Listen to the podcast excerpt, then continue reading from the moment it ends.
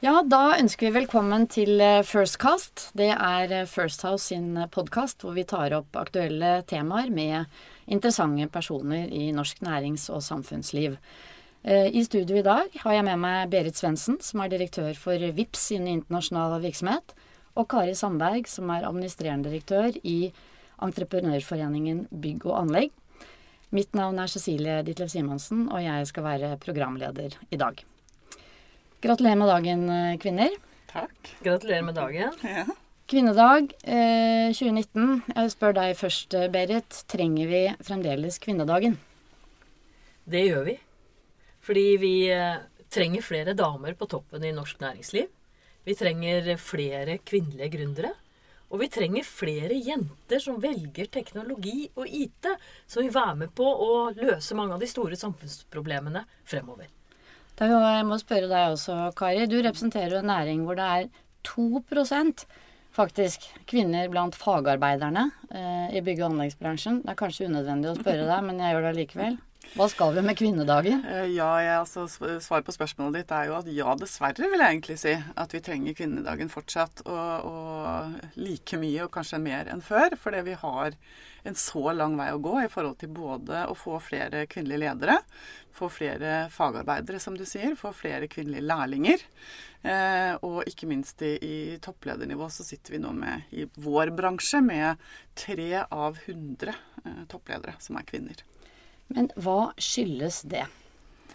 Ja, det er Det er ikke så veldig enkelt å svare kort på det spørsmålet, men jeg tror det er likt for veldig mange andre bransjer at uh, menn rekrutterer menn. Og, og, for vår bransje så, så, er det ingeniører som kanskje ofte har gått på skole sammen, og som kjenner hverandre. Og, og de vet litt hva de får, og det føles kanskje trygt. Eh, og så rekrutterer de blant sine likemenn. Og så tror jeg at det har mye å si i forhold til kompetanse. Eh, kan de nok om hva mangfold, både etnisk bakgrunn og kjønnsbalanse, hva det faktisk betyr for bunnlinjen til virksomheten. For det er entreprenøren opptatt av. Det er bunnlinja si. Ja da, og det finnes jo absolutt forskning og rapporter som viser at der er det en sammenheng. Men du, jeg må bare spørre deg, jeg hørte et, om et foredrag forleden fra en representant i bransjen din som hadde snakket med noen unge kvinner eh, på byggeplassen. Hvor eh, de fortalte noen ganske hårreisende historier om hvordan de var blitt behandlet av menn. Og samtidig så prøver dere jo å få jenter f.eks. til å velge bygg og anlegg på videregående skole. Men når du liksom hører historier om en, eh, en voksen mann på en byggeplass som sier han blir våt i buksa og ser på deg, så er det kanskje ikke så fristende for jenter å velge byggeplasser som sitt arbeidssted? Det er historier som vi selvfølgelig ikke er stolte av. Og vi har også tatt og løftet dette som en konsekvens av metoo og alt det vi har bak oss knyttet til det. Eh, samtidig så opplever jeg også at menn som faktisk fremsnakker at de ønsker flere kvinner, også har en veldig lang vei å gå i forhold til hvordan dette foregår i praksis. Hva mener du med det? Jeg mener at eh, når det rekrutteres eh, personer til toppledelsen i selskapene, så hører jeg de sier at vi fant ingen flinke kvinner. Eh, og da sier jeg at da har du nok ikke lett verken godt nok eller på riktige steder. For igjen tilbake til forskningen så viser det jo at eh, jenter sitter jo veldig godt kvalifisert, ofte bedre enn menn. Og, og flere jenter tar høyere utdanning enn menn, så det handler jo eh, ikke om eh, at det ikke fins mange flinke jenter der ute. Vi må lette på Du smiler, Berit. Er det noe som høres litt kjent ut her, eller? ja. Og vi, og vi må jo som, ha den grunnleggende overbevisningen om at uh, talent er sånn velfordelt i befolkningen. Og det å da ikke finne flinke damer, uh, dyktige damer, det er da nesten helt utrolig. For de fins der ute. Det er ikke tvil om det. Uh, og det som er bra, er at de blir mer og mer synlige på alle arenaer. Mm. Men vi skal fortsette å jobbe med å synliggjøre dem. Mm. For det er ikke mange nok. Men du har jo en bakgrunn eh, fra Telenor, hvor du var i mange år. Og nå på fredag, altså i dag, kvinnedagen, så eh, kommer det ut en bok hvor bl.a. du er intervjuet, men det er også flere tidligere toppledere fra Telenor. Og den har vært omtalt i Dagens Næringsliv, og vi har jo lest eh, hva skal kalle det interessante uttalelser eh, fra dere, eh, litt triste også, om hva dere har opplevd på toppnivå i norsk næringsliv. Eh, det må du si litt om. Så øh, jeg syns den boka Jeg gleder meg til å lese den. Jeg har lest mitt kapittel. eh, mange ganger. Eh, og jeg syns Lille har skrevet det på en veldig veldig god måte. En del av de opplevelsene jeg har vært igjennom. Og det, jeg må jo si at det har vært eh, hardt arbeid eh, med å nå liksom til topps. Det har vært en del utfordringer som jeg tror kanskje blir rydda av veien for neste generasjon. For jeg vet jo at den generasjonen som kom, eller var før oss, hadde enda større utfordringer, for de var enda færre. Så jeg tenker den tittelen på boka er fantastisk bra, fordi det er verdt det. Eh, og jeg har, syns det var Så du syns det har vært verdt det? Jeg syns det har vært verdt det. Jeg har hatt en fantastisk reise. Eh, faglig sett så kunne jeg ikke jobba et mer interessant sted enn jeg har gjort. Men når jeg ser tilbake, så har det jo gått en del energi på andre ting også. Ikke bare til det på en måte å, å gjøre det aller, aller beste hver eneste dag i den jobben man sitter i. Så jeg tenker her er det et forbedringspotensial, men jeg har stor tro på at eh, når det blir skrevet den type bøker, og samla erfaring fra åtte eh, forskjellige damer, så er jeg helt sikker på at det vil bidra til å gjøre at neste generasjon de som nå kommer, eh, vil få en enklere vei til toppen. Hvis de ønsker det. Og det håper jeg, da, for det er veldig mange som ønsker å gå til topps i norsk næringsliv, også på damesiden. Du har jo vært en av de få som uh, kanskje var kandidat til å bli konsernsjef i Telenor, som ikke ble det, og som likevel turte å si at det burde kanskje vært en kvinne på toppen. Jeg er helt sikker på at det var noen som da liksom smilte litt og tenkte fy søren, hun er, hun er ganske selvsikker som sier noe sånt. Eh, hva tenkte du da du eh, kommenterte det den gangen? Jeg kan ikke akkurat huske hva jeg tenkte, men det er jo veldig naturlig når det skal ansettes en eh, kandidater på toppledernivå i norsk næringsliv, at man har flere av hvert kjønn å velge mellom. Burde det være en, en regel at man til den type stillinger alltid har minst én kandidat av hvert kjønn i, i en finale?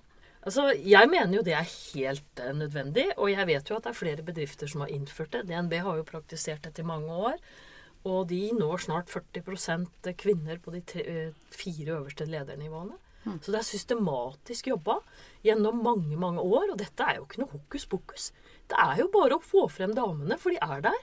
Talentet er likt fordelt. Damene har høy utdanning. De er fantastisk flinke. De er like dyktige som menn. Uh, og da må vi lete.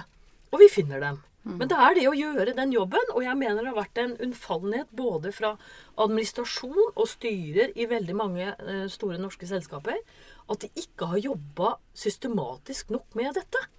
For det er fullt ut mulig. Og det har noe med tyngdekraften å gjøre også. Hvis man ikke får frem flere damer, så syns ikke damer det er så veldig ålreit å gå foran og være én eller to av det eneste i en ledergruppe. Altså Man må få frem mangfoldet, for da blir det mye mye enklere.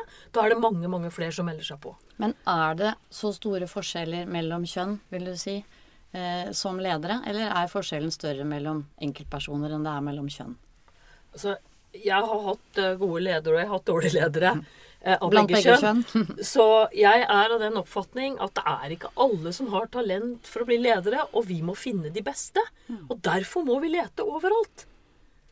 Dere, Kari, i din bransje skal jo rekruttere ansatte. Mange tusen mennesker hvert eneste år og strever med å få tak i folk. Er det grunnen til at dere også må få kvinnene på banen? For det første så er det jo Jeg har bare lyst til å kommentere det du sa da, når, når Berit da sier hun sier, så sier du, er, du Noen sier du må være veldig Hun må være veldig selvsikker. Og da tror jeg vi Det var kanskje, menn som sa det. Det var menn som sa det. Og da tenker jeg at da er vi jo igjen på dette med stigmatisering og myter. Og når en kvinne eh, har en tydelig røst, så får hun noen karakteristikker som en mann normalt ikke får. Uh, og, og, derfor så tror jeg det er så viktig. Har du opplevd det selv? Ja, det har jeg jo. Og, og, jeg tror derfor det er så viktig at vi har gode rollemodeller som tør.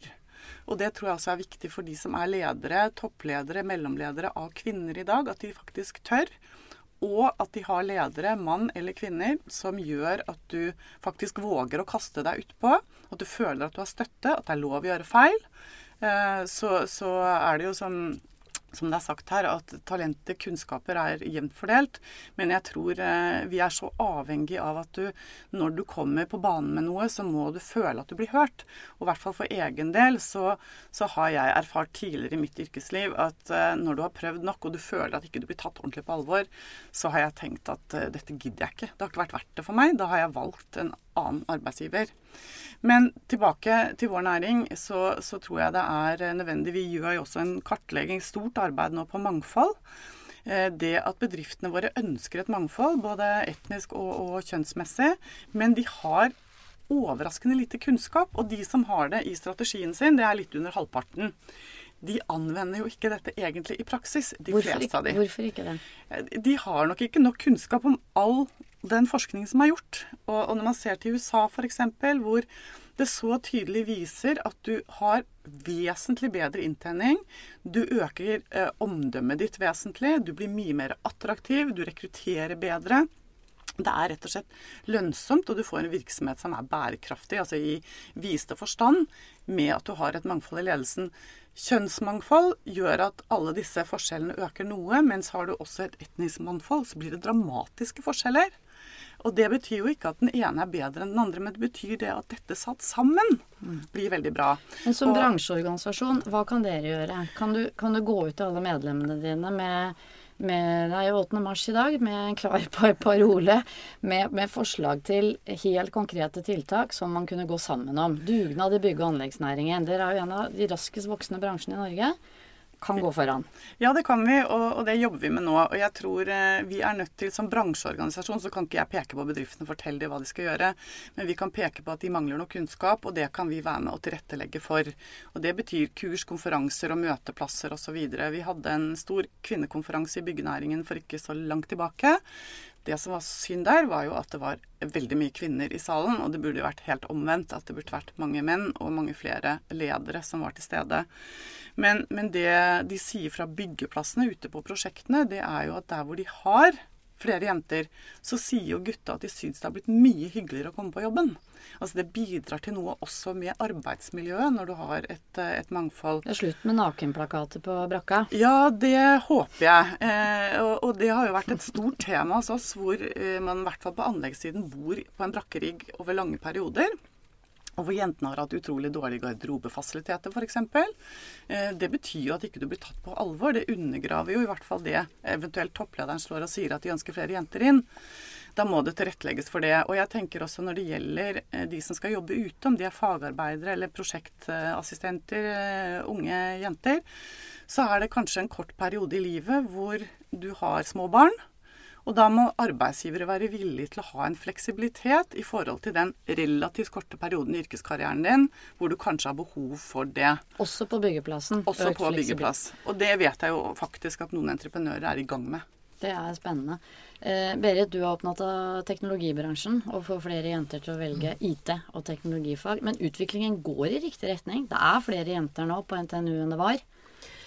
Altså, eh, når jeg begynte i 1983, det begynner å bli en del år siden, så var vi faktisk 20 eh, jenter på, som begynte på elektronikk den gangen. Eh, og IT-bransjen, den har bare 26% kvinner. 17 eh, av lederne er kvinner. Og når du tenker på at en stor del av IT-bransjen leverer tjenester til hele markedet, så blir det sånn som Apple gjorde. ikke sant? De utvikla en helseapp. Eh, Det var bare menn som sto for den utviklingen, og det gikk fint det, helt til kvinner skulle ta den i bruk, og de hadde ikke tatt hensyn til kvinners menstruasjonssyklus. Så man blir jo rett og slett irrelevant når man ikke tar med alle, eller hele befolkningen, inn og utvikler tjenester. Eller representanter fra hele befolkningen. Ikke ta med hele, men representanter inn. Og det er jo derfor mangfold er så viktig, fordi man adresserer jo alle der ute. Men du, det er jo noen eh, skal vi si, store kunder nå, bl.a. Equinor. DNB er vel også en av dem. Som nå har vært ute og sagt at vi kommer til å stille tøffere krav til leverandører om at de skal ha kjønnsbalanse på ledernivå. Eh, Storbrann og mange andre bedrifter har jo vært engasjert i dette initiativet 50-50, og til og med oppfordret statlige innkjøpere til å bruke sin innkjøpermakt til å stille de samme kravene. Er det liksom den type pisk vi må ha for at, eh, at vi ikke skal snakke om det samme her om fem år? Ti år? Altså, jeg vil si at utfordringen nå ligger innenfor teknologi og IT-fag. Ja, det var en økning i fjor, og det er kjempebra. Det foregår veldig mange bra initiativer for å få jenter til å søke. NTNU har jo hatt sitt program i mange, mange år. NHO bidrar. Så det å få flere jenter inn på IT og teknologi er helt avgjørende. Fordi IT og teknologi endrer jo samfunnet. Og noen av de trenger jo dere også, Kari. Byggenæring blir mer digital. Det gjør vi. Og politiet trenger dem ikke Ja. sant, innenfor sykehussektoren, for vi kommer til å jobbe på en helt annen måte fremover. Og derfor må vi faktisk eh, nå oppfordre kvinner som skal ta sitt yrkesvalg inn på eh, studieretning eh, først, eller 15. april. Mange flere bør gå inn og søke IT og teknologi, men vi må egentlig begynne før det også. For jentene de elsker å bruke mobiltelefon. Men jeg tror ingen liksom har tenkt nøye gjennom at det er jo fullspekka av IT, hele mobiltelefonen. Det er ikke det at de skal gå inn og se hva som er på innsiden, men de er jo superflinke til å bruke den. Og, og veldig mye av, av IT-kunnskapen fremover ligger jo å ta det i bruk innenfor forskjellige bransjer. Så jeg tenker at jenter har et fantastisk eh, utgangspunkt, ja. Men vi må sannsynligvis begynne enda tidligere og få dem til å like koding eh, allerede på barneskolen, og da innføre det på barneskolen. Men å utvide antall IT-studieplasser og få mange flere jenter til å søke Jeg tror ikke vi kommer noen vei utenom. Ellers så vil på en måte utviklingen styres av eh, 75 menn igjen. Og det er jo der de største endringene ligger. Så vi må nødt til å ta et ordentlig grep der. Og når jeg ser tilbake da jeg begynte med 20 jenter fram til i dag, så har det ikke endra seg så veldig mye. Nei. Så det er, gjort, det er gjort lite en del år, og så har man liksom klart å få opp farta igjen. Og det verste er at det har ikke endret seg, mye, seg så mye på toppnivå i næringslivet heller. Det er veldig få kvinnelige toppledere. Og de beskrivelsene som vi bl.a. har lest eh, og kommer til å lese om i boken som kommer ut i dag, eh, så er det jo en del historier som, eh, som vi kan klø oss i huet og lure på. Er det, er det liksom dette årstallet vi snakker om? Er det 2019 vi opplever denne type ting? Kommer det til å gå i tog, Kari? Nei, jeg gjør ikke det, fordi jeg skal på NHOs årskonferanse i Alta 8. mars. Men vi får sikkert finne en mulig måte å markere det på der også. Det er bra. Har du gått i tog noen gang på kvinnedagen, Berit? Eh, nei, altså jeg tror ikke jeg har gått i tog, men jeg skal jo på fire forskjellige arrangement eh, eh, i dag. Og jeg begynner, jeg skal kåre 50 av de mest eh, kan du si, fremtredende teknologikvinnene i Norge. Det er Abelia som gjør. Så skal jeg på frokostseminar med eh, finansnæringen og snakke om eh, likestilling og mangfold innenfor finansbransjen. Og så om morgenen så starter det på NRK Nyheter med boka til Lilla Sølhusvik. Og så er det lunsj med First House. Mm. Veldig spennende. Eh, Og det er noen spennende oppegående damer. Og så skal jeg på lanseringen på Cappelen Dam mm. med Lilla og fem andre damer som har bidratt i boka. Og så blir det to fester etterpå. Ja, det høres ut som en, høres Ja, som en god fredag. Det høres ut som en god fredag. Jeg håper det blir en del bobler på slutten av dagen. Dere kommer til å helt sikkert eh, treffe mange damer i løpet av eh, 8. mars, for sånn er det gjerne. Men eh, avslutningsvis, dere får en eh, kort appell begge to, og da er beskjeden til mannlige rekrutterere og mannlige ledere. Hva er det viktigste de kan gjøre? Kari først.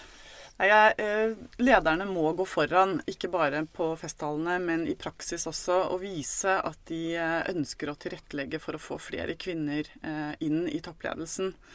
Og det er klart rekrutterere som, som sitter der, så sentrale i disse topplederstillingene, må kanskje være bevisste på at de stiller med et likt antall likt kvalifiserte eh, kandidater eh, når de skal presentere disse for, eh, for styret eller for konsernledelsen.